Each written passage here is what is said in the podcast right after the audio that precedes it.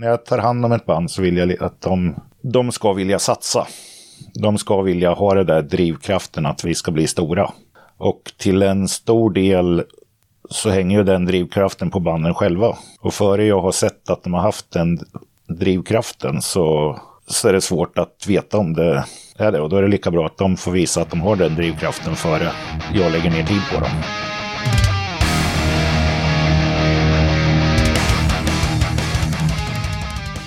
Då var det torsdag igen och dags för det 180 avsnittet av Rockpodden. Varmt, varmt välkommen! Den här veckan packade jag in mina prylar i bilen och åkte ända till Skrikhult för att träffa Olof Wikström. Han är ju, i alla fall i hårdrockskretsar, en legendarisk eh, bokningsagent och eh, arrangör. Med 25 års erfarenhet i fickan och Eh, tusentals gig och nästan lika många artistsamarbeten så tyckte jag det var fantastiskt kul att få slå mig ner och eh, höra vad han hade att säga. Kanske blir det också lite lärorikt för er som spelar i band, för så vitt jag uppfattar det i alla fall så är det ju många som tycker att det är både drygt och svårt att hålla på och boka sina egna gig. Så nu flyttar vi över oss hem till Olof där mickarna redan står uppställda. Du lyssnar på Rockpodden. Olof Wikström är veckans gäst. Jag heter Henke Branneryd och jag önskar dig en god lyssning. Ja. Ja, Rockpodden fortsätter sin eh, resa på den svenska landsbygden. Det är fantastiskt trevligt att komma till Skrikhult, till Olof Wikström. Välkommen. Oerhört roligt att förra veckans gäst heter Olof Wikstrand. Ja, det är rätt så många som har tagit fel på oss genom åren. Jag kan tänka mig det. Det slog mig när jag ringde dig idag på morgonen. Så fan, det är några bokstäver bara. Ja, jag har fått några kompisar som har ringt fel och Ja. ska till Wikstrand. Men då kan ju du hänvisa. Du vet i alla fall vem de söker. Ja. Ja. Hur är läget med dig då? Jo då, det är bara bra. Ja. Är solsken, trevligt besök, så har inget att klaga på. Nej, det är inte så mycket jobb kanske. Nej, det dog rätt så bra. Ja, för di- din bransch är väl, måste vara en av de absolut sämsta just nu. Den är rätt så värdelös just nu kan man säga. Hur ska vi sammanfatta, eller ska vi berätta vad du jobbar med? För den som inte möjligtvis vet det. Jag eh, driver ett bokningsbolag som heter Skrikult Production. Så att jag, eh, man kan säga att jag sitter på två stolar. Vissa, en stol är att jag arrangerar saker själv. Och då, då hyr jag en eh, venue och ser till att vakter kommer, gör marknadsföring och ibland tjänar man jättebra med pengar och ibland förlorar man jättemycket pengar när man gör sådana grejer. Och så är jag även agent och det gör att jag har ett stall med band som jag säljer till andra arrangörer runt om i Sverige. Eller Norden. Är de ungefär 50-50 de två benen eller? Det går väldigt mycket i perioder gör det. Nu på senare åren så har det gått mer åt agenthållet. Så att jag säljer band mer. Och det var väl ett litet beslut jag tog för några år sedan för att det är så otroligt mycket konserter just nu. Och då blir den marknaden är så väldigt överhettad så att man förlorade lite för mycket pengar när man höll på att satsa sådär. Roligt ändå att säga just nu är det så oerhört mycket konserter. Ja, eller ja, de senaste åren kan man säga. jag, jag förstår. Just nu så är det väldigt få konserter. Det gör ju inte att branschen blir bättre. Nej. Nej, nej, men båda de är i alla fall, det är typ stendött. Eller du sitter och bokar om massa saker antar jag. Ja, så nu har vi, håller jag på, eller nu är väl det mesta jobbet klart då, men när det dök upp den där 500-gränsen då var det bara att sätta sig i telefon och jobba dygnet runt ett par, tre, några dagar och flytta allt till hösten. Har du kunnat flytta allt eller har det blivit mycket som har försvunnit ut i rymden? Jag tror jag har flyttat allt. Det är några som ligger och eh, guppar lite fortfarande. Ett par grejer, men eh, i stort sett så är det allt. Det är ett par amerikanska artister som jag har som har sagt att vi tar det nästa sommar. Eller något sånt där. Så För de grejer du har flyttat till hösten, hur, hur nära är de första grejerna så att säga? mitten av september. Så att jag grundar allting på att de ska öppna upp till 500-gräns till, i och med september. Och det är någonting du har liksom slickat på Ja, ja, alltså min, fingret och min, hållit upp min, bara? min gissning är lika bra som någon annan. Ja. Men eh, i det här jobbet så måste man ha en liten, säg cirka ett halvårs framförhållning. Och i och med att läget är som det är så kan man ju inte vänta med att jobba tills man får direktiv från hur de är. Utan man måste ju ligga en rätt så lång bit före. Så det är bara att ja, bestämma att det är så. Men har, har du några grejer, eh, alltså sånt som är över 500? Inte i nuläget. Har du inte det? Nej, faktiskt inte. Ja. Så det kom, det kom rätt så passande där för mig faktiskt. Om man ser så. Det är väl några som ligger på gränsen, men det är så mycket i alla fall på gränsen som man kan begränsa det till 500. Ja, precis. Utan att bandet tycker att det blir... Ja, så jag har sett ett band som kanske drar, som jag har ett par grejer med, kanske drar en 600-700. Då, då kan man, även om det är en jobbigt, så kan man, är det realistiskt att sätta en gräns på 500. Ja, men ska vi namedroppa lite band du jobbar med? Ja, Ja, Entombed AD. AD ja. Det, är väl ett långt och troget samarbete? Ja, de har jag jobbat med i många år nu. Jobbar jag lite med till och med när det på den tiden de hette Entombed. Så det är rätt så långt. Sen eh, ska jag dra upp en massa band eller? Ja, det ska jag göra. Ja, du kan göra det. Jag, jag, det jag tyckte var lite roligt var att, att jobba med både Entombed AD och KSMB. Ja, Sen kan vi lämna det. Eller ska vi gå in i det? ja jag drar till med lite sådana band som Ja. håller på att tjafsa. Jag jobbade ju lite med eh, Abbat också ett litet tag. Jaha. Och det blev, var ju lite tjafs med dem. Ja. Så ja, det där är, när det gäller sådana här saker generellt sett så då gäller det att man, man väljer inte sida utan man... Jag brukar välja den eh, delen som är dels den som frågar mig såklart. Ja. Också den, dels den delen som vill ut och spela och fortsätta. Som du tar en Tomb Day, det är, som sagt jag vill inte säga det finns ett läger som vill spela två, tre spelningar per år och är glada för det. Och ett läger som vill ut och spela jättemycket. Och då eftersom det är mitt jobb att se till att man kommer ut och spelar så, Säger det sig självt. ja. Ja, nej, just den tumdebatten har jag också verkligen sagt att jag tar ingen parti. Jag, vill, jag gillar ju båda och jag vill att... Ja. Och, så, och som utomstående så har man inte insikt i allting som har hänt och allting. Så det är bara dumt att ta ställning. Och, men en det delar ju inte riktigt... Det, jag tycker inte det är någon konflikt där som gör att någon blir aggressiv mot dig om du går runt med en, en tum AD-t-shirt. Liksom. Nej, det känns inte Det är väl så. kanske lite mer infekterat i KSMB. Ja, den biten är lite intressant. Där kan, du få, där kan du få lite folk efter dig om du, Ja. håller, på, om du håller på fel lag. Ja, Nej, men den, det har jag inte hänt än. Och det känns som hela den där grejen har lugnat ner sig lite nu. Så det är, det är väl några som sitter och är lite upprörda i sina kammare. Men i det stora hela har det lagt sig tycker jag. Det är ju rock'n'roll, då ska ju folk bli lite upprörda också. Ja, ja, helt klart. Det är det som hör till.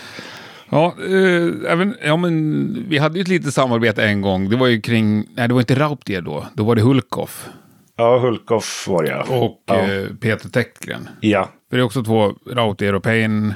Ja, både Hulkoff och Peter har jobbat med i väldigt många år. Så det, och det, det är kul. Mm. Ja, det var ju underbart avsnitt du styrde upp till mig. Ja. Kommer ihåg eh, jag, De är lite speciella att intervjua varandra. ja, men det var så roligt också. Jag tror du började med att vi snackade om Peter Täckgren. Ja. Och sa det, men ska du inte ta honom ihop med Hulkoff? Jag bara, "I- tillsammans? Jag brukar alltid bara ha en gäst i taget. Så Ja. inte de två ihop, så vilken konstig blandning. Nej, men de är polare, det kommer bli bra, skrev du. Ja, okej, vi litar på det. Och jag tyckte det var asroligt. Ja, när de två kommer tillsammans så vet man aldrig riktigt vad som Nej. händer. Nej, det känns som det fanns ännu mer att ge där faktiskt. Det finns hur mycket som helst där. Där, Ja. har- där har du för veckolånga program känns det som. Ja. Och sen, ett av mina absoluta favoritband, som du till och med tishar på det. Night Flight Orchestra. Ja, Det är en snygg ja, signing, säger man så? ja det kan man säga. Ja, Och de, de går det ju väldigt bra för. verkligen. Och du har Det- varit med dem sedan starten? Nej, Inte riktigt sedan starten, men eh, jag har jobbat rätt så länge med Soilwork. Så att eh, när Night Flight bestämde sig för att satsa. De, från början så var det ju... Ingen visste riktigt vart det skulle ta vägen. Nej. Så de släppte väl, jag skulle tänka, två skivor tror jag, där de inte direkt turnerade någonting. Och sen, jag ska tänka, vad heter den plattan nu igen? Somewhere. Vad är plattan före den? Sometimes the world is not enough. Ja. var det jag tänkte på. Nej, det, Ja. den före, ja, det var då jag också Ja. hoppade på tåget. Då ja. bestämde de sig för att det här ska vi satsa på. Och då kom väl jag in lite i bilden. Och sen på förra plattan, Sometimes the world is not enough, den, eh, då, eh, då klev de ju upp och tog ett steg. Och sen den här nya plattan de släppte, den kom ju väldigt dålig timing. Ja, De fick väl avbryta en turné. Ja, som var ute på en Europaturné. Vi hade datum eh, bokade här i Sverige. Men om vi tar dem som exempel. Jobbar du bara i Sverige med dem eller hela Europa? Eller hela Ja, världen? bara Sverige. bara Sverige? Ja. Gör du det med alla band? I stort sett. Det är väl några som jag har i, kan fixa i Norge, Danmark, Finland också. Men eh, till 95 procent så är det bara Sverige. För att du vill ha det så eller? Både och. Det är bekvämast så. Ja. Jag har väl aldrig riktigt... Eh, jag har både velat och inte velat ta steget och bli en Europaagent. Men det känns... Man ska ha rätt akt. Man ska ha... Eh, det är ett jävla jobb. Och det jobbet vet jag inte riktigt om man vill... Tycker att det är värt att lägga ner. Nej. Men då blir du också beroende av att Night Flight då till exempel har en vettig bokad i Europa. Ja. Som du kan liksom samarbeta och styra ihop saker med. Ja, det är ju när det kommer till utländska agenter och band, speciellt band om vi tar bort diskussionen från Night Flight, så då är det oftast eh, vilka agent, agenterna är viktigare än banden där. Så jag har ju samarbete med ett antal agenter sedan många år. Och det är ju de banden som de signar som jag får. Så det är ju banden i sig, med några få undantag, har, bryr sig inte direkt vem de jobbar med i olika länder. Ja, okej, då, och då är du liksom inget skrivet med bandet, utan Nej. då är det deras agentur. Det, det är agenten som är Jag fattar. Sen är det ju band som jag har jobbat med i över 20 år som de vill ju vara hos mig. Ja, Men till exempel. ta Edguy, Sonata Arctica, lite sådana grejer. Och då, då vill ju de, men det är ju mer för att vi har haft sånt väldigt långvarigt samarbete. Sen är det ju många band som kommer och går, jag på att säga, men eh, som byt, byter agent, kan vara i Europa, de kan byta Europaagent, de kan byta USA-agent, de kan byta management. Ja, just det. Och då blir du utbytt fast Ja. du inte har något med saken att göra. Nej, byter de USA-agent så är det, eller huvudagent så är det, då har de en annan samarbetspartner i Europa som kanske har en annan samarbetspartner i Sverige. Så på det sättet har man förlorat många band kan man säga. Så man har inte kontrakt på ett visst antal år och sånt där? Nej, Nej. Det, är, det är från gång till gång. Turné till turné eller gig? Ja, så kan man säga. Ja. Sen gäller det där, det är ju mycket kontakter. Så länge jag gör ett bra jobb så då vill ju agenten fortsätta jobba med mig. Så det gäller ju för mig att göra ett bra jobb hela tiden och leverera det bästa till bandet. Och då, och då har jag agenten och bandet kvar. ja, jag förstår. Ett spännande och roligt jobb antar jag. Ja, man vet aldrig vad som kommer hända på morgonen när man ringer. Och hur mycket... Då sköter du all PR och allting. På de grejer som jag arrangerar själv köper jag PR. Då sköter jag hela den biten. Men de grejer som jag säljer då är det upp till lokala arrangören att sköta om med PR-biten. Sen gör jag lite i alla fall. Jag skickar ut mina turnéguider en gång i veckan och jag lägger in saker på Facebook lite hela tiden och sånt där. Då, så, att, eh, så lite PR gör jag, men jag har inget ansvar för det. Så För det drabbar väl ändå dig om en lokal arrangör gör ett dåligt PR-jobb. ja, det gör det. Så att, Även om du får betalt så blir ju ingen glad om det stället är tomt. Nej. Nej. Men Sverige är så pass litet och i och med att jag varit så pass länge och hållit på så har man lite... Då har man lite sina fasta kunder eller vad man ska kalla det. Och eh, då håller man sig till de som gör ett bra jobb. Man prövar ju på nya hela tiden och man åker på sina smällar då och då. Det är oundvikligt men Vilka är Sveriges bästa rockklubbar att boka på? Jag brukar gilla eh, mellanstorleken. Katalin i Uppsala, du har Frimis i Örebro. Örebro. Du har Nöjesfabriken i Karlstad. Du har Huskvarna Folkets Park. Har, det, det är så många. Jag kan sitta och rabbla upp många Nej, men, Så du får, så du får ett tum i alla fall. Vilken typ av ställen? Ja. Ja. Arenor och grejer, det är roligare men det är en helt annan grej för det blir det är så eh, det är lite opersonligt är det. Och, men det är ju samtidigt är det ju en jävla känsla när man fyller en arena. Men vilka arenor finns det liksom? För så här, ishallar, det, Ja, ishallar och sånt. men körs det? Ja, Förutom i Stockholm och Göteborg. Ja, det gör det. Inte så ofta, men det körs. Du har ju, det är från Gävle, så det är Göranssons arena där uppe. Ja, just det. De kör ju rätt så mycket. Ishall, ja faktiskt. Ja. I bandyhall. Ja. Ja. Så, så det, det händer. Ja. Har man bara rätt eh, artist som vill göra tillräckligt många datum så då, är det, och kollar man så är det ju väldigt många mer mainstream artister som eh, gör inomhusturnéer runt om i Sverige. Nu vet jag inte, jag har så dålig koll, men ta Lundell och ta de där. Vill de göra en inomhusturné på vintern så är det ju inga problem att hitta arenor. Nej, men Lundell är ju jävligt stor så att säga. Ja, ja men det är mer mainstream Ja. Ska man göra en 10 ishallar i Sverige så gäller det att man kommer upp på en väldigt stor nivå. Ja, Det är sjukt få som klarar det väl? Ja, Sabaton gjorde det ju häromåret. Ja. Men de är lite ett unikum också. Ja, de är ett väldigt unikum. Ja. Så de, det var ju när de körde med Accept. Så de gjorde ishallen här i Norrköping till exempel. Himmelslundshallen. Heter den så fortfarande? Ja. Har den inte fått något företagsnamn? Nej, Nej, det visste jag. inte. det är rätt så unik på det. Kommer ihåg sen Sportspegeln, 80-talet. Ja.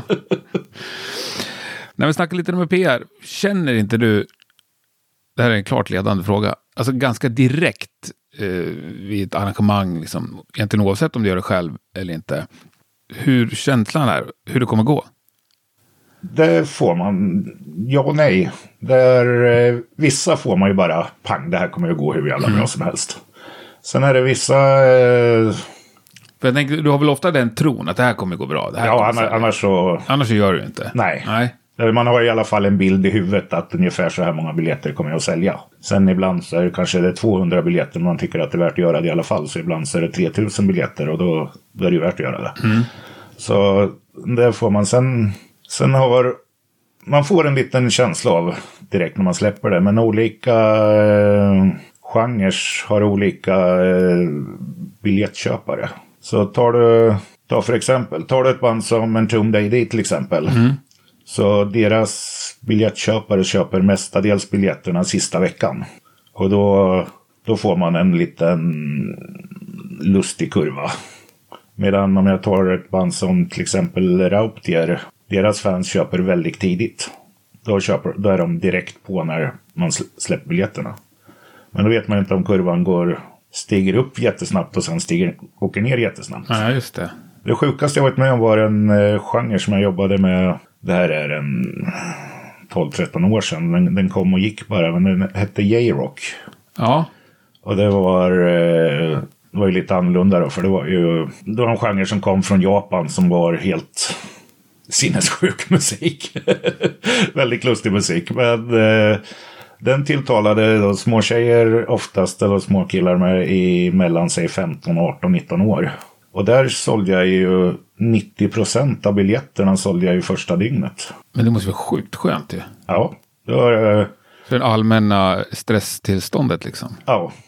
Men om man tar ett band som jag hade på Tyrol. Tyrol tar 1100. Och jag eh, tror jag sålde, om jag kommer ihåg rätt nu, så sålde jag kanske 670 biljetter första dygnet. Och då började jag ju diskutera med agenten så där och börja hitta nya venues som man skulle flytta upp och hela den biten. Och sen dog det bara totalt. Jag tror jag kom upp i 750 biljetter och jag släppte det ett halvår tidigare. Ja, det är fan sjukt. ja, Men du hann inte flytta venue? nej, det gjorde jag inte. Så det är lite sådär och sen är det vissa grejer som man har som bara exploderar sista två dagarna som man tror att det här kommer bli en jätteflopp. Och så bara det exploderar. Ja, och det gäller ju då att ha is i magen och inte ställa in. Ja, ja, helt klart. Det måste man göra. Fast vissa grejer ställs ju in. Ja, För jag kommer ihåg i Norrköping, eh, December... Black, vad fan heter det? Black, Black Christmas. Black Christmas ja. Ja. Det, det, ass. Ja. det, det, det ställde vi in. Det sålde för dåligt med biljetter. Mm. Och det har, det har man ju en liten känn då. Då har man ju kört det. Hade ju kört det, vad blir det, tre år tidigare. Mm. Så då kan man, kan man ju följa lite biljettkurvorna. Och ligger det då alldeles för lågt under tidigare års. Så får man en liten Men har du statistik på sånt där nedskrivet? Eller är det en ryggradsstatistik? Ja, det är mestadels ryggrads. Men sen om jag känner att jag behöver ha mer koll på det så går jag in och kollar. Så finns det statistik att hämta. Men, ja nu kommer jag inte ihåg det, men hur lång tid innan var du röck i nödbromsen på Black Christmas? kommer knappt jag heller ihåg. Men en eller två månader var det. Så det är lätt. När man får den känslan så, när det är i alla fall sådana där större grejer så är det oftast bäst har jag märkt att dra i nödbromsen hyfsat tidigt. För man sätter så mycket, väldigt mycket andra folk i skiten om man väntar för länge. Det är både besökare, det är leverantörer, det är spelstället, det är tekniker, det är allt. Dröjer man för länge så hinner inte de boka upp något nytt. Och då sätter man dem riktigt i skiten. Ja, och det blir också, nu gissar jag hej vilt, men det blir billigare för dig så att säga. Smällen blir mindre ju tidigare du ställer in. Ja, lite så det blir det. Men eh, Får du ställa in dagen innan då antar jag att du behöver betala fullt Ja. gage till banden Ja. ändå. ja, så det, det, det är ju en ekonomisk grej. Samtidigt så får man ju in mer biljettpengar medan man håller på. Då. Men ställer man in så måste man betala igen dem också. Då. Så att det, det är en väldig avvägning det där. Hur har det funkat med den här coronagrejen? För jag antar att det är lite olika beroende på arrangörer. Där har, I och med att den är så pass nationell eller global den här grejen så har alla har ett väldigt bra förstående. Ja, inte riktigt alla väl. Så den här campingen som Sabaton Open Air jobbar Ja, med. jo, det, det finns Dumhuvuden några som... liksom. Ja. Ja, men i, i mitt arbete i alla fall så... Eh, Så du är ingen sån... nej, det har väl varit några små grufsningar och lite sånt där, men absolut inget allvarligt. Nej. Och sen gäller det att det finns pengar. För folk börjar väl också gå i konkurs lite. Det lär de göra. Jag tror att vi får se de största smällarna i höst-vinter på det här. Då kommer, då kommer agnarna att skiljas från vetet om man säger så. Utveckla. Dels så har vi... eh, Tuggar ju folk på ramarna nu. Men det gör de och det kanske de... Om man går nu efter att min premiss är att det öppnar upp i september, om det gäller. Så har vi då plockat in två terminers konserter på en termin. Så det är fruktansvärt mycket konserter till hösten. Som, och folk har inte råd. Och arbetslösheten går ju upp väldigt mycket nu. Så folk kommer inte ha råd att gå på allt. Och eh, sen har vi ställena som har haft en sommar och ingen har permitterat folk och har inte haft några inkomster, tugga på ramarna. Så ska de ha en massa konserter där som en väldigt stor del av dem inte går, går ihop. Och många av dem kommer att ha eh, skjutit upp skatten nu då, som man tar och då när det sätter igång så vet jag inte riktigt hur skatte, skatten ska återbetalas. Men de lär ju få en liten skattesmäll. Ja, det ska ju betalas tillbaka i alla fall. Det ska betalas tillbaka. Så jag vet inte om det blir på någon... Om de slår ut det på ett år. I så fall så kanske det var lugnt. Men ska man betala av allting på en gång då, då kommer det Ja, jag har ingen konkurser. aning. Nej, inte jag heller. Så, att, så jag tror att det kommer att bli väldigt kärvt i höst, vinter. Även om de öppnar Mm. upp i september så kan man säga. Och det är klart, när det äntligen kommer igång och så första två grejerna man gör går tokback. Ja, Då blir det ju ännu jobbigare. ja. Sen vet man inte hur folk reagerar heller. Om, det, om de vågar gå ut. Nej, precis. Publiken ja. Ja, så det, vi gjorde ju några tester med precis när de drog i, i den här 500-gränsen. Så hade jag ett gäng konserter med band som ute som drog kan, kanske normalt sett drar en mellan 250 och 400 pers. Så vi körde ett par veckor efteråt på den nivån då, och det sålde ju inte en biljett. Nej. Så folk vill ju inte Folk vill ju inte gå ut och riskera, vilket jag har full förståelse för. Nej, och framförallt inte mars där, liksom när det börjar explodera. Nej, Och det är väl det är inte nu heller, men jag tycker mig se att det är lite mer folk i rörelse nu i alla fall. Ja, ja nu, sen om det är för tidigt eller om det vad som kommer hända i framtiden, det är ingen som vet. Nej, tack och lov tänkte jag säga. Ja. Eller, det är kanske lika bra att vi inte vet det. Det är nog det. Ja, ja för fan. Men jag tänker att di- ditt jobb normalt sett är liksom ett av det här stressigaste, eller just den här orosmässiga. Ja, Och inte veta. För jag har själv haft rockklubb och på boka lite band och så här. Jag, jag slutade med det av den anledningen. ja, För jag upplevde att jag själv inte kan påverka det. Ibland är det fullsatt och ibland har man världens bästa band och det kommer inte en käft. nej, Och jag förstod liksom inte aldrig hur det där funkar. nej. Det där, gäller nog, det där är nog en grej med erfarenhetsmässigt. I början så kan, kunde man vara väldigt nojig på saker och ting. Men nu så är det mer att eh, man tar det lugnt tills det uppstår ett problem och sen när problemet kommer så löser man det. Du lägger aldrig med liksom och inte, inte kan sova på grund av... Inte så mycket på grund av enstaka händelser. Sen har man väl haft sina problem man har gått på gränsen på utbrändhet i flera år. Men eh, inte så där att enstaka händelser kommer som en god vän i branschen som jag sa som ett liknande jobb uttryckte så att Man jobbar med lösningar och inte med problem. Ja, nej, det är väl en sund inställning. Ja, och har man den inställningen och lär sig, och det tar ju många år att lära sig den inställningen. När man väl har lärt sig den så, man vet det. Jag har jobbat med det professionellt i 25 år nu. Och man har ju varit med om det mesta. Och man vet att man kommer ut med båda fötterna på jorden på något sätt. På andra sidan. Så det är bara att när det dyker upp ett problem så får man hålla huvudet kallt och still och lösa det. Men går allt att lösa det? Allt går att eh, fixa den bästa möjliga lösningen till. Har du något du är riktigt stolt över att du har löst? Ett riktigt saftigt problem. Det finns många, just nu kommer jag inte på något bara för det. Men säg till exempel de två sista åren med Black Christmas. Så eh, förlorade jag sammanlagt 700 000 ur egen ficka. Och till det ska man sätta att i samma veva var jag tvungen att ställa in Metallsvenskan som jag hade lagt ner ett och ett halvt års arbete på som jag inte fick en krona för. Och att ta sig ur från en sån grej, det är jag rätt stolt över. Ja, bra. Det är starkt. Och sen att vara en sån eh, i den här branschen och överleva i 25 år. Du har också varit indie liksom och själv Ja, alltid. ja, i stort sett alltid i alla fall. Jag hade ett år när jag samarbetade med Sweden Rock. Så då var jag lite under deras flagg kan man säga, men i rent juridiskt sett så var jag själv. Är det också, jag antar att du vill det eftersom du fortfarande är det, men har du någon gång liksom varit nära att börja jobba för någon annan eller ett stö större bolag? Liksom? Nej, jag tror inte att jag eh, skulle trivas med det. Nej. Jag har alltid hatat när folk säger åt mig vad jag ska göra. Så jag hatade skolan från första dagen i ettan. För då var det någon där som sa åt mig vad jag skulle göra. Jag har aldrig haft någon lärare eller chef som jag tyckte om och sådär. Så jag tror inte att något företag skulle vilja ha mig med den Har du aldrig fått någon fråga under de här 25 åren? Jag har fått hintar. Det har Ja. jag fått. Men Jag min- tänker någon festival kanske, även om det inte är ett heltidsjobb året om så. Ja, alltså sådana grejer. Så att jag har ju hjälpt festivaler liksom att om det är någon festival som någon mindre festival som frågar kan du boka vårat program? Så då, visst, då, då kan jag göra det. Det måste vara drömgig för dig. Ja, det är du, det. Då kan du boka din egna band också. Ja, det är drömgig. Ja. Fast där gäller det ju att veta vad kunden ska ha och eh, göra bästa möjliga där och inte bara se till sin egna band. Även om man naturligtvis kanske försöker smyga in ett eller annat. Jo, jo. Ja, jag, jag tror jag fattar balansgång. Men ja. Ja. Och det måste också vara jävligt roligt, tänker jag. Ja, det är skitkul. Ja. Så nej, men hela jobbet är rätt så kul och utvecklande och allting. Och man kan ju sitta lite vart som helst och gö- göra det. ja.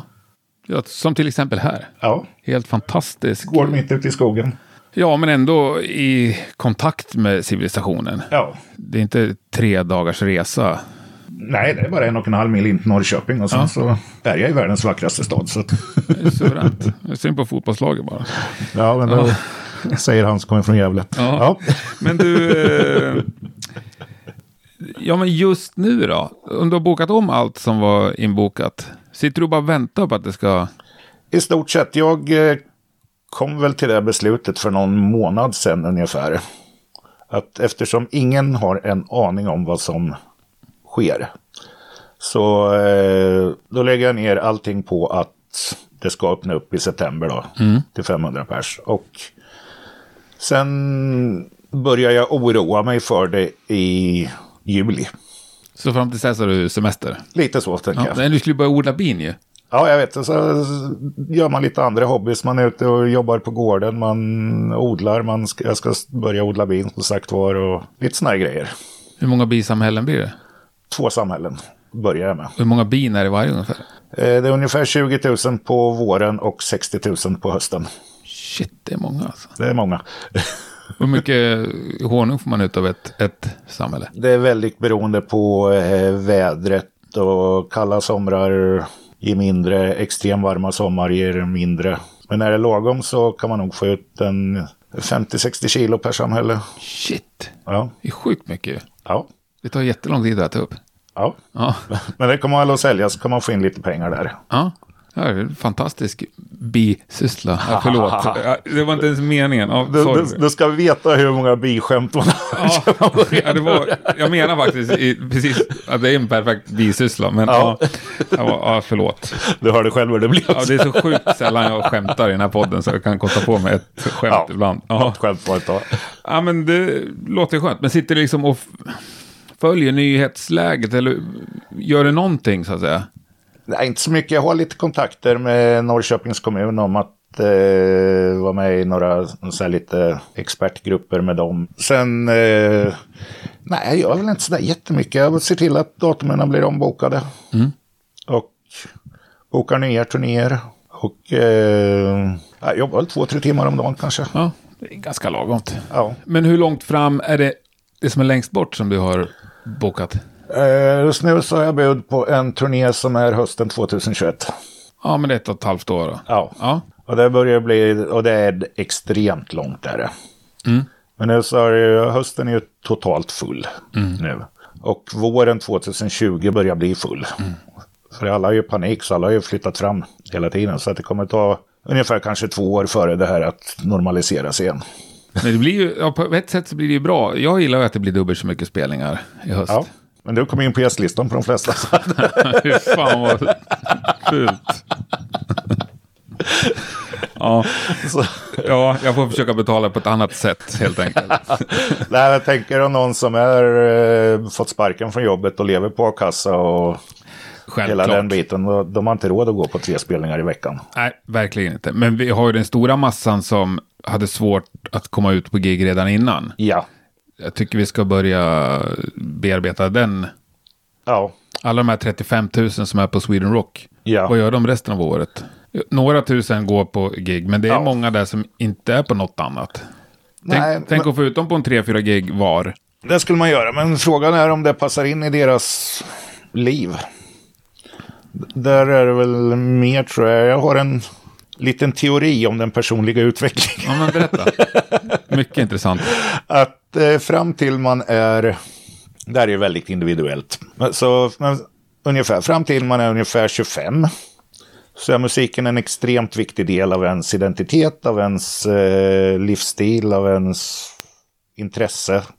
Det tar upp väldigt mycket tid och man påverkas väldigt mycket i ens personliga utveckling fram till det. Sen ungefär ish 25 så eh, skaffar man en seriös partner, man, eh, börjar, man skaffar hus som ska amorteras på, man skaffar barn, man börjar klättra i karriären. Och då finns inte musiken där på samma sätt istället, för då, då har man så mycket annat som är viktigare.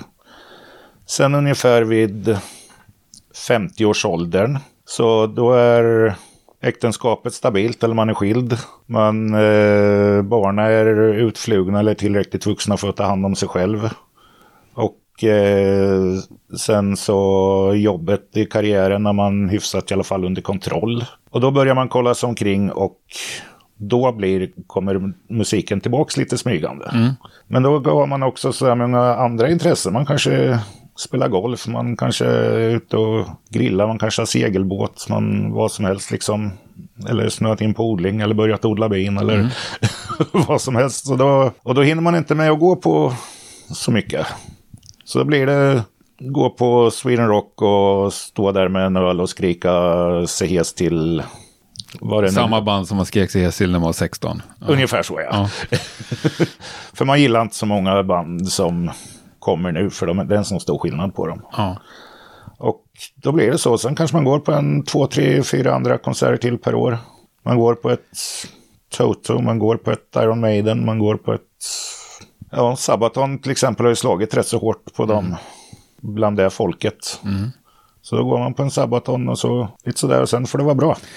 ja, Och frågan är om man ska ändra på det eller inte, om man kan ändra på det eller om det är bra att ändra på det. nej, det är nog, man gör sig nog en otjänst om man tror att man kan ändra på det. Ja. Men lite, lite. Jag köper egentligen allt och säger varenda ord. Ja, Men det jag ändå vet är att folk sitter hemma i sina soffor och är jävligt lata och bekväma. det är de, helt klart. Flera dagar i veckan. Ja. Nästan alla människor i hela världen. Ja, Så kan man få dem att resa sig upp en gång till i månaden. ja, Det är inte omöjligt. nej, Även om man har segelbåt och spelar golf och gör massa saker. ja, så är den här... Men då är, då är ju lite frågan, nästa fråga, att är det upp till dem att ta tag i det eller är det upp till eh, branschen och scenen att leverera något som är tillräckligt intressant för att de ska göra det? Självklart upp till branschen och scenen. Ja, Men lite får man båda få spela boll så att säga. ja, ja helt klart. Men självklart. Ja. För är det en tillräckligt bra grej då blir det ju utsålt. Ja, Det vet ju vi Ja, alla. helt Ja. klart. Det är så svårt det där när man, när man ska diskutera saker, för det blir oftast så där svart eller vitt man utmålar. Ja. Det hör jag väldigt mycket i scenen där att eh, folk som bara sitter hemma och folk som gnäller på att ingenting händer och sen när det väl händer någonting så kommer de inte och sådär. Men då, då är det helt enkelt att man inte levererar något som är tillräckligt intressant. Nej, vi får vara fribar oftare. Ja, det är intressant. Ja, då brukar det... Då är blir det fullt. Ja, då är plötsligt det ingen som ska jobba dagen efter. Nej. Nej. Men kan sådär göra dig bitter eller? En gång i tiden så kanske jag gjorde det. Nu så har jag mer konstaterat att det så är det. det. Det är ingenting som jag kan göra någonting åt.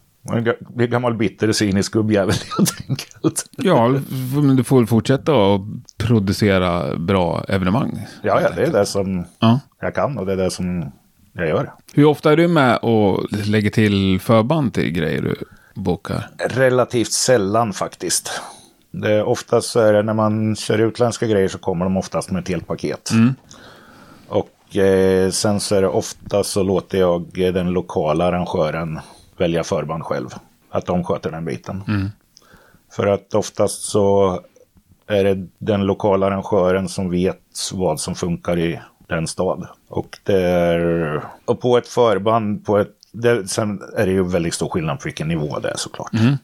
Men eh, tar, tar man på en mindre nivå så är ju, tycker jag att det är viktigare för den lokala arrangören att ta något lokalt och stödja det lokala näringslivet än att jag ska hitta någon som åker runt som ingen bryr sig om direkt. Absolut. Men det är, det är, det är väldigt från gång till gång. Men om- man är ett gäng ungdomar som spelar dödsmetall och tycker att man skulle passa skitbra som förband till en Tomb AD. Ja, Finns det någon anledning att höra av sig till dig då?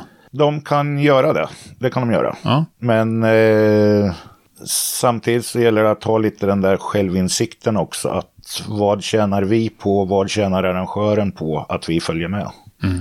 Ta ett band från Uppsala kan man säga som är totalt okänt som vill spela tillsammans med en Tomb i Kalmar.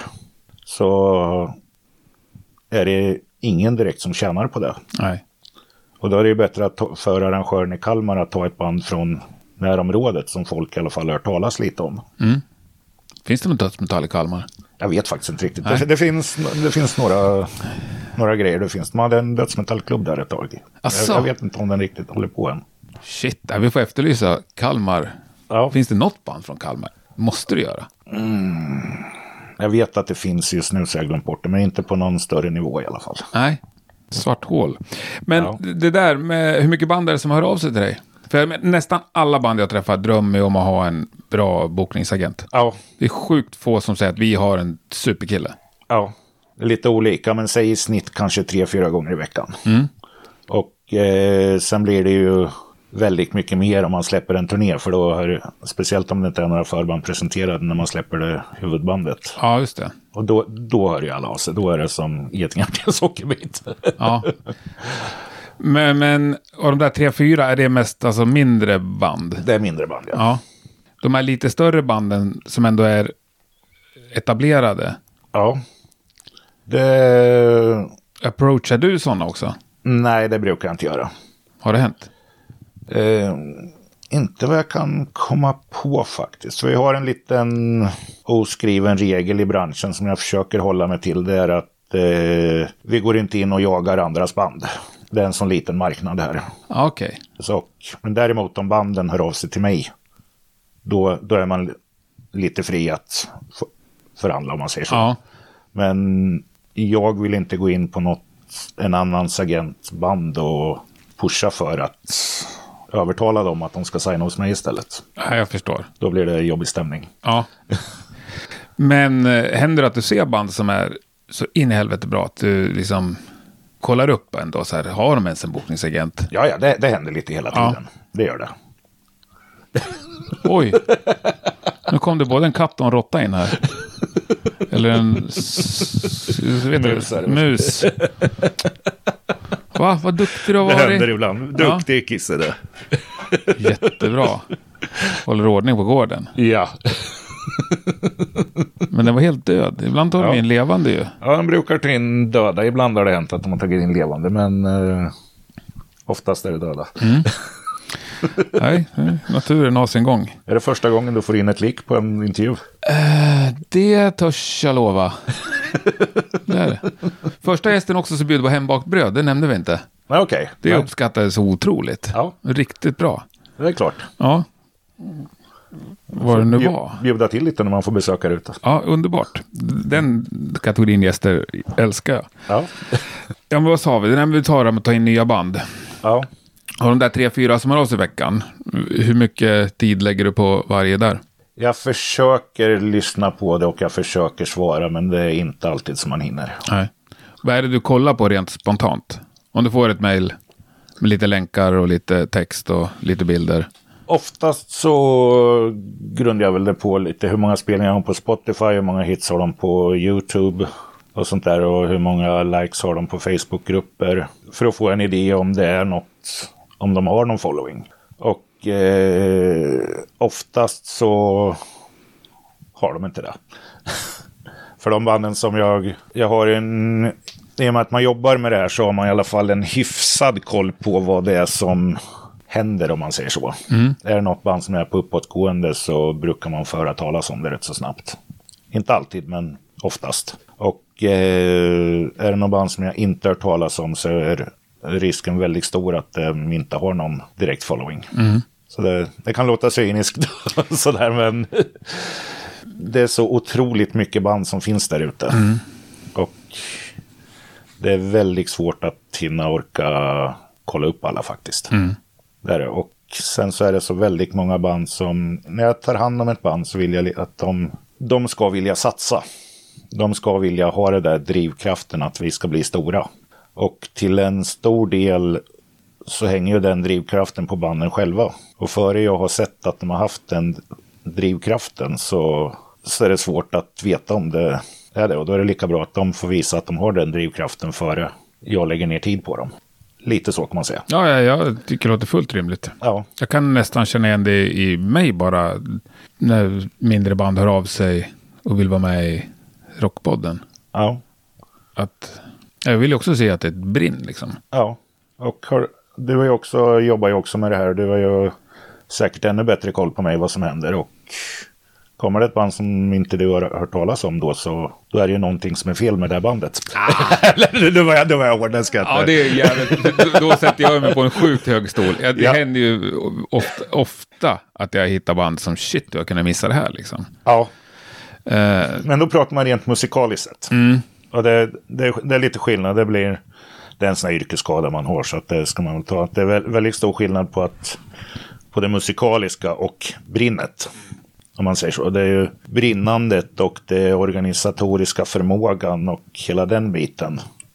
Som inte har någonting annat, ingenting med musiken att göra. och ihärdigheten liksom. Ja, jag också. ihärdigheten är också väldigt viktig. Och har man varit i den sitsen i, fått sig en tre, fyra sådana förfrågningar i, i veckan i 25 år så då orkar man till slut inte kolla på det. Men vad skulle du ändå säga att ett band ska göra för att nå igenom ditt brus bara? Hålla mig uppdaterad på vad som händer. För oftast band som skickar grejer, då lägger man lite namnet på minnet. Och man kollar upp dem lite snabbt, man lägger namnet på minnet. Och sen så får man se, men håller de, håller de uppdaterade och jag ser att det verkligen händer saker där. Och sen eh, inte fokusera så mycket på mig kanske i det läget som de är, beroende på vilket skede de är i karriären så att säga. Men eh, lägg mer fokusering på att ut och spela så, väldigt, så mycket som möjligt. Ut på små krogar, fritidsgårdar, bara spela, spela, spela. För jag har den bedömningen, det här är också väldigt individuellt. Men att det tar ungefär ett band 50 till 70 spelningar att bli ett riktigt bra liveband.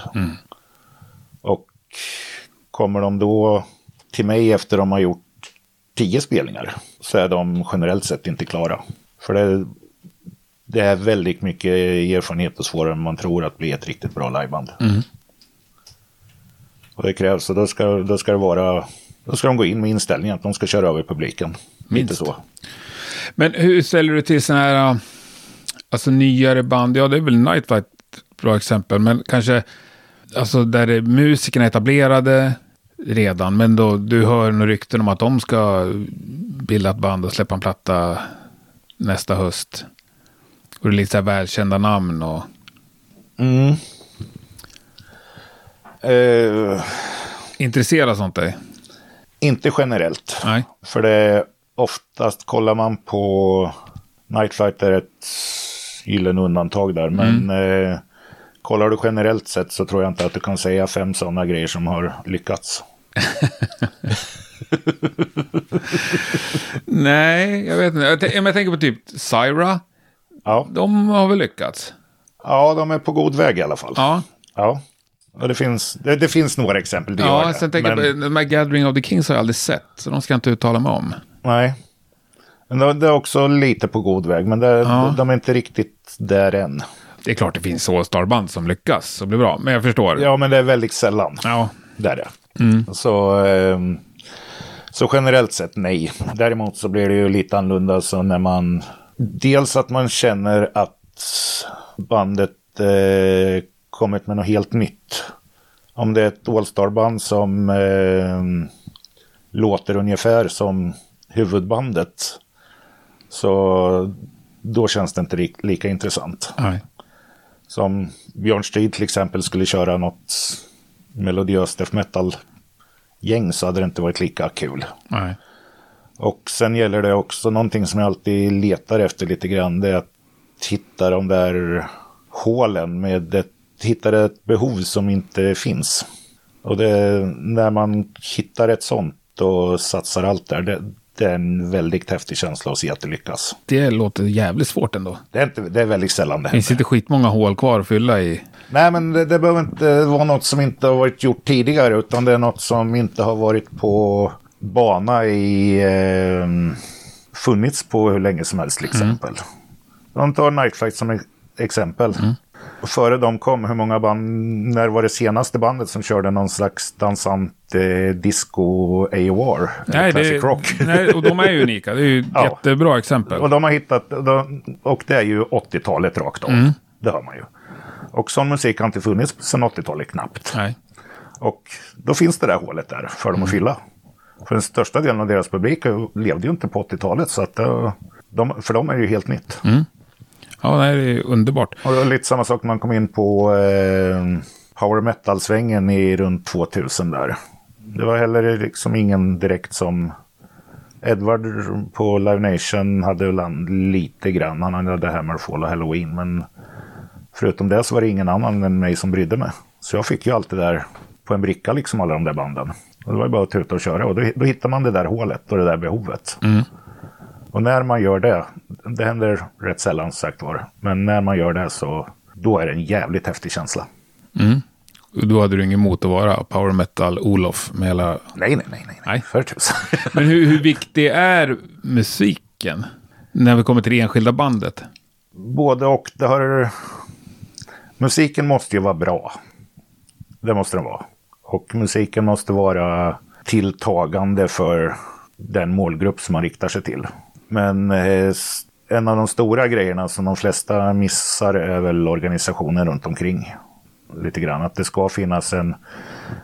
Allting beror på hur driven man är själv. Tar du Per i Sabaton, Sabaton har inget management, men tar du Per så är han en extremt driven person. Ja, Så han klarar ju den där biten själv, men 99 procent av musiker klarar inte den biten. nej. Och då kanske man måste ha en, ha en manager eller ha en agent eller ha någon utomståendes eller ett bra skivbolag eller vad som helst som kan hjälpa en framåt. Kan du gå in och stötta band i sådana delar? Om du tycker att det är jävligt bra och du känner att det är någonting du skulle vilja jobba med. Som... Med råd kan jag göra det. Ja, Råd och eh, arbetstid är väl det som jag kan. Men du har aldrig klivit in och varit manager åt något band? Nej, jag har fått några förfrågningar men jag har eh, alltid tackat nej. För jag, jag tror jag är för dålig på den biten. Jag är inte den där... En bra manager ska hela tiden vara på... De ska kunna en så bred grej. De ska ha hand om allting från merch till skivkontrakt till kontakter med Spotify. Hela den biten. Mm. De ska kunna allt det där. Och det är en sån där väldigt stor insats att plugga in mm. en sån bit. Och jag tror inte jag är rätt personlighet för det. Jag gillar inte att plugga. Nej, då så. Man ska göra det man är bra på. Ja. Men är du, är du någon som är och lägger så här bud på gig och turnéer? Ja, det, det gör jag lite hela tiden. Hur funkar det? Eh, eller det beror på hur du menar med lägga bud på. Om jag ger mig in i budkrig med andra agenter. Mm. Det, det försöker jag hålla mig ifrån. Men det har hänt? Det har väl hänt någon gång eller ett par gånger. Men den här branschen är så liten så att det är kanske en tre, fyra, fem stycken som håller på med det jag gör i Sverige. Mm. Och eh, skulle vi bli fiender så det sabbar så väldigt mycket mer än att man jobbar åt samma håll. Ja, men kan det hända liksom att du ringer upp Triffid and Danger och snackar? Ska ni eller jag ta det här? Det händer ibland. Ja. Det gör det. Och vi har en väldigt bra dialog på det där, så det har inte blivit några större. Visst, ibland är vi tjuriga på varandra. det hör ju till liksom, men i det stora hela så har vi ett väldigt bra samarbete. ja. Varför blir ni tjuriga på varandra ibland? För? Nej, det ska vi inte gå in på. Ja, men vi, alltså bara, du behöver inte ta sakfrågan, men vilken, vilken typ av grejer? Nej, men om eh, till exempel eh, de kontaktar någon agent som jag har haft bra koll på eller, eller haft väldigt nära kontakt med och sånt där. Eller, det, är, det är svårt att säga. Ja, ja. ja vi, vi lämnar det. men vilka finns det mer som är liksom indie men ändå etablerade? Indie så är det väl i stort sett bara jag och Triffid and Danger. Mm. För sen kommer vi upp på Luger och ja, Live Nation. Och Luger gör ju inte så mycket metal om man håller sig till metal-stuket. Så är det väl Live Nation. Så Live Nation, jag, Triffid and Danger. Eh, sen finns det om man tar i mer genregrejer. Om man tar i... Det finns några som håller på spe, speciellt i punk till exempel. Så har vi ju DVI, eller vad de heter. Och i brutal metalen så har vi Luciferion som gör grejer på Slaktkyrkan och sådär, Adde där. Så det finns, men de är mer specialiserade på mm. underjorden så det är ingenting de lever på. Nej.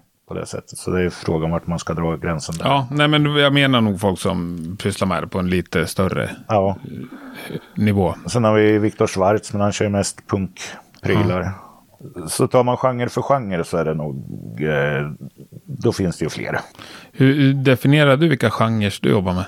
Eh, I många år så, det har varit sådär väldigt flytande genom åren. Och nu har jag börjat bredda med lite mer, men det var ju många år så var det ju, då, då var det ju bara hårdrock. Så jag började mest i punkvärlden och körde mycket kängpunk och sådana grejer. Gjorde turnéer med GBH och Peter and Test You Babies och jobbade med Köttgrotten och Coca-Cola och Svartsnö och Bisphere och Meanwhile och den biten. Och sen så gick jag över, blev väl lite mer åt pophållet. Och lite, det, var, det var väldigt spretigt där ett tag. När man så här i efterhand kanske försökte hitta sin identitet. Hur poppet var det när det var som värst? när det var som värst? Det beror på, det också. Men eh, jag gjorde mycket med Dr. Cosmos till exempel. Ja, men det är ändå någon slags punkskimmer över det. Ja, det ska ju det, det ska inte vara, jag menar mellopop, det har jag ju aldrig varit inne på. Nej, det var lite det, ja. det jag var ute efter. Ja. Ja, Nej, men det, det har varit vägen har jag varit hela tiden. Mm.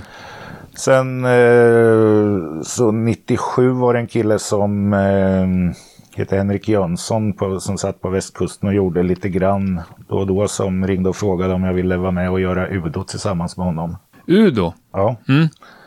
Och det, det är en gammal hjälte. Mm. Så att eh, då gjorde vi det, det var 97. Det var min första riktiga metal-grej som jag gjorde.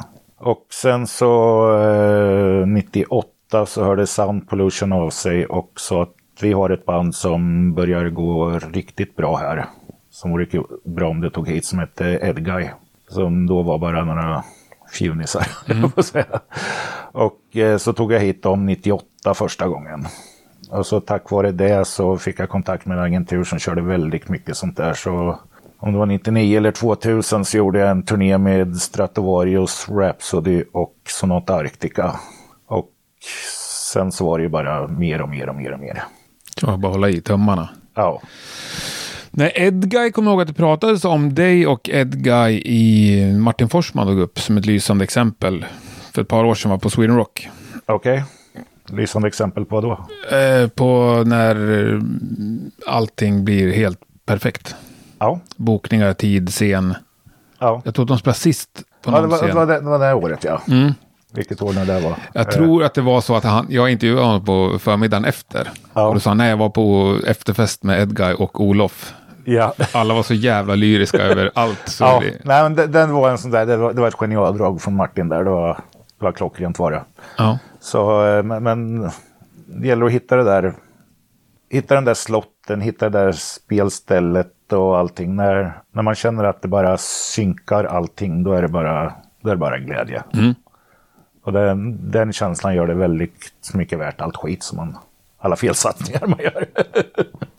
Nej, det förstår jag. Och det är, jag unnar dig verkligen liksom, att få känna det ofta. ja. Men hur ofta kan du njuta av ett gig som det är på? Eh, musikaliskt sett så var det rätt så... Ska jag vara ärlig så var det väl rätt länge sedan på att säga. Men det, det, händer, det händer då och då, det gör det. Men det är så väldigt mycket runt omkring där. att Flyter allting bra? Är publiken bra? Ja, men det är lite det. Bandet levererar, publiken är bra, arrangemanget är bra, det kommer mer folk än vad man hade räknat med och allt sånt där. Då blir det en positivt väldigt, väldigt positiv kväll. Och då, då njuter man till fullo. Men det är det jag menar. Det är så Ja. oerhört många parametrar som ska falla in för att du ska kunna njuta av ett gig, antar jag. Ja, om man jämför med de, de för länge sedan när man var ett fan så var det ju bara att gå dit och var bandet bra så var man lycklig. Ja. Men det, det är så mycket bredare nu.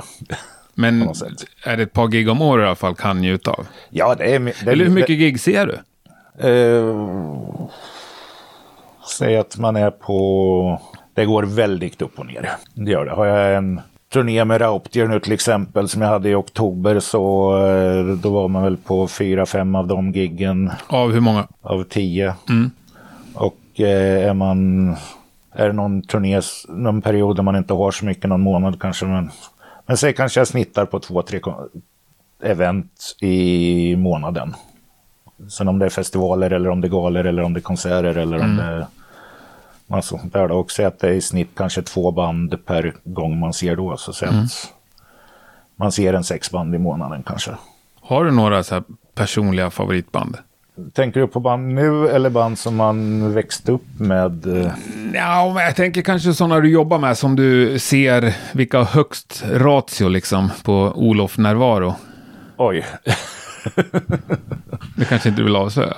Det vill jag väl inte direkt avsäga. Men generellt sett så man kan väl göra det lätt för sig då och säga att ju större, ju mer folk de drar desto viktigare är för mig att Desto bättre plats. tycker du att bandet är. Ja, jag tycker att det är bättre. Sen så är det ju viktigare, ju mer saker kan hända och då är det bra om jag är där. Ja.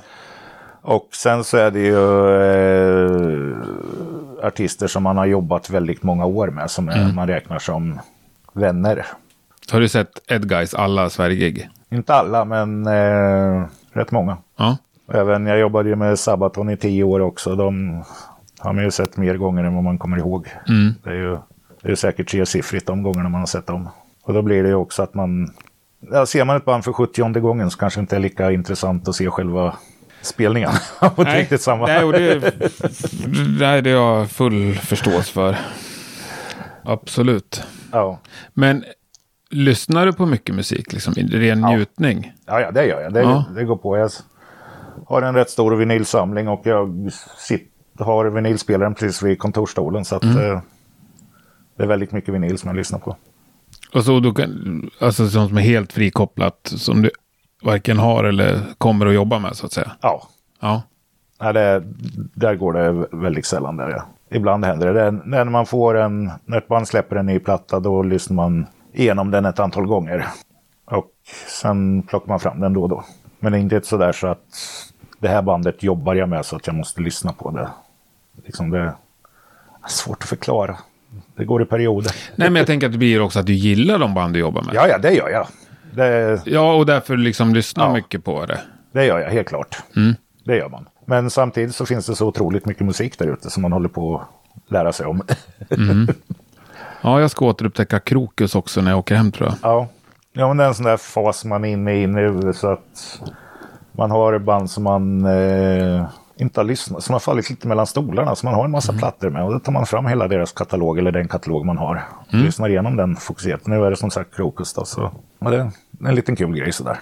Nej, absolut. Har du någon drömbokning kvar att uträtta? Drömband på drömplats? Någonting som jag eh, kämpade för i några år som skulle vara jävligt häftigt skulle vara Nightwish på Dalhalla. Men det, det har jag inte fått till än. Det borde inte vara helt omöjligt. Nej, det är mer att bandet är lite, de är lite sådär osäkra på om det. Alltså det här, det här var rätt så många år sedan som Ja. vi diskuterade det här. Så att, De släpper också en ny platta nu? Ja, den har precis kommit. Ja, Men de har eh, bytt agent då, så att jag jobbar inte med dem längre. ja okej. Det är Scorpio som gör dem nu. Men de jobbar jag också med en 10-15 år. Så Lyssnar du ändå på deras nya när den kom? Eh, jag har inte gjort det än faktiskt, men jag ska göra det. Jag har inte heller gjort det. Nej. Nej. Men de var faktiskt, när de spelade på Bråvalla för några år sedan, så var de här hela gänget och grillade. Trevligt. Ja, så att vi har ju bra kontakt. Ja. Så det gäller ju att se också lite skillnaden på vad som är personligt och vad som är businessmässigt sett. På det där liksom att, okej, ett band som Nightwish som, när man sitter ensam så här så har man ju en viss övre gräns. Och när ett band blir för stort så då har jag full förståelse för att man inte stannar kvar hos mig utan går till Live Nation till exempel. Som Ja. har en större erfarenhet, en större organisation att, Men är inte det en stolthet också?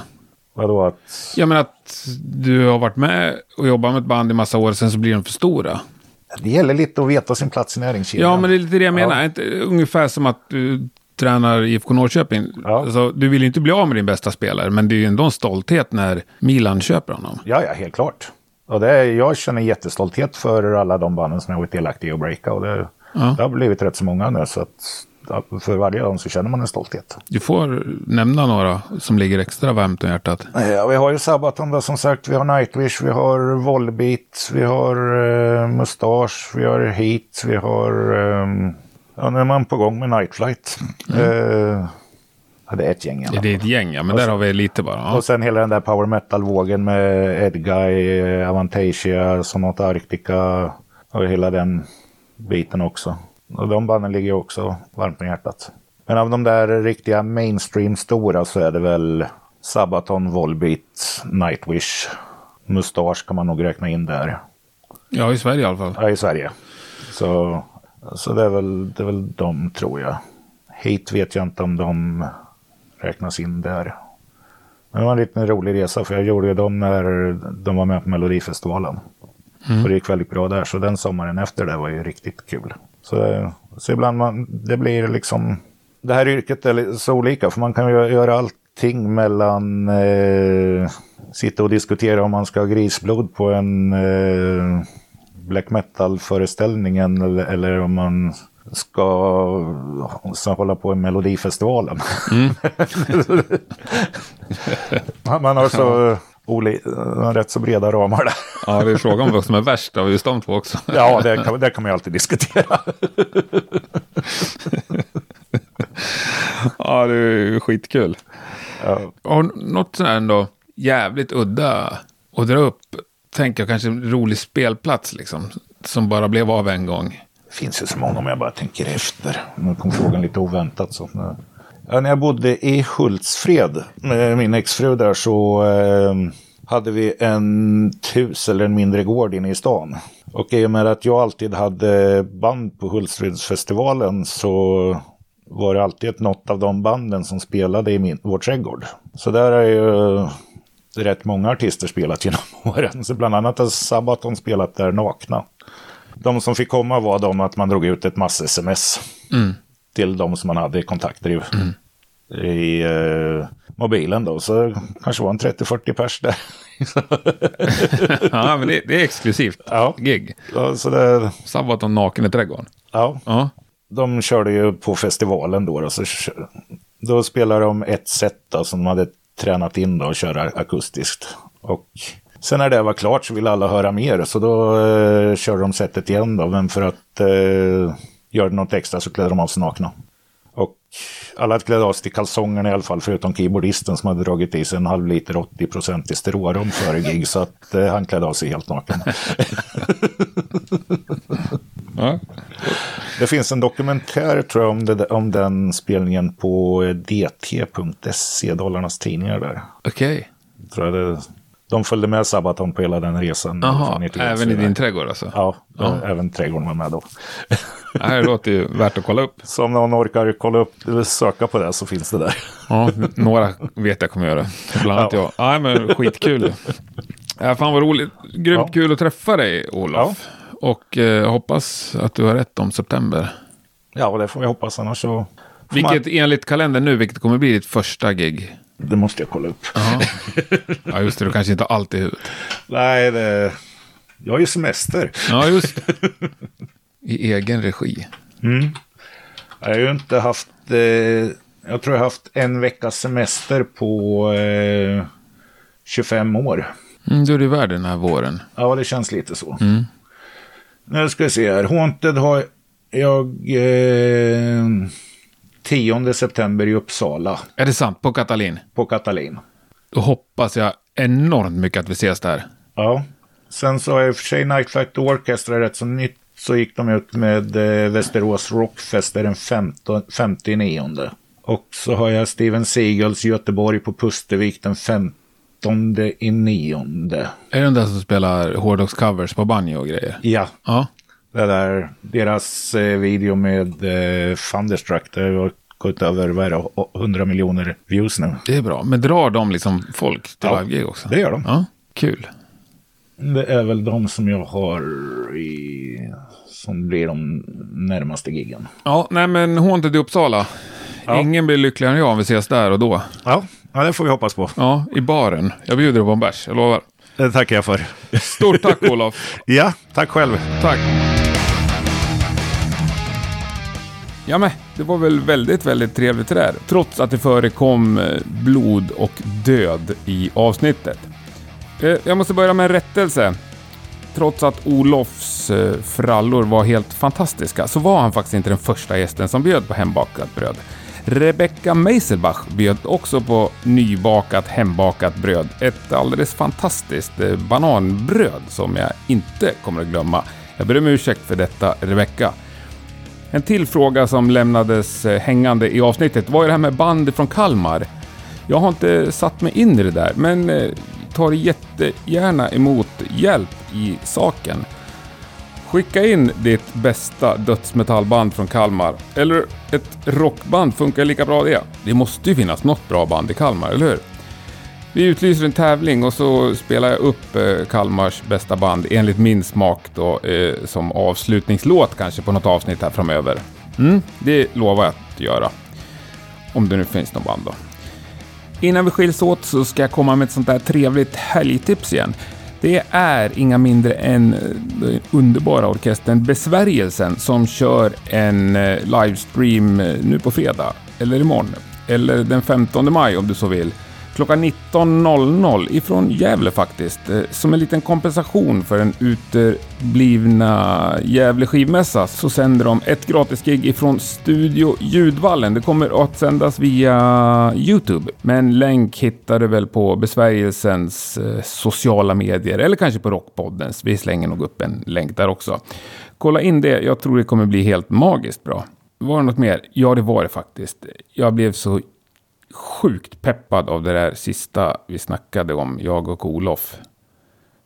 Jag ser framför mig ett fullsatt Katalin. Jag ser framför mig hur Marco smackar i micken i pannan så bloden stänker. Snart är vi där. Snart släpper det här skiten.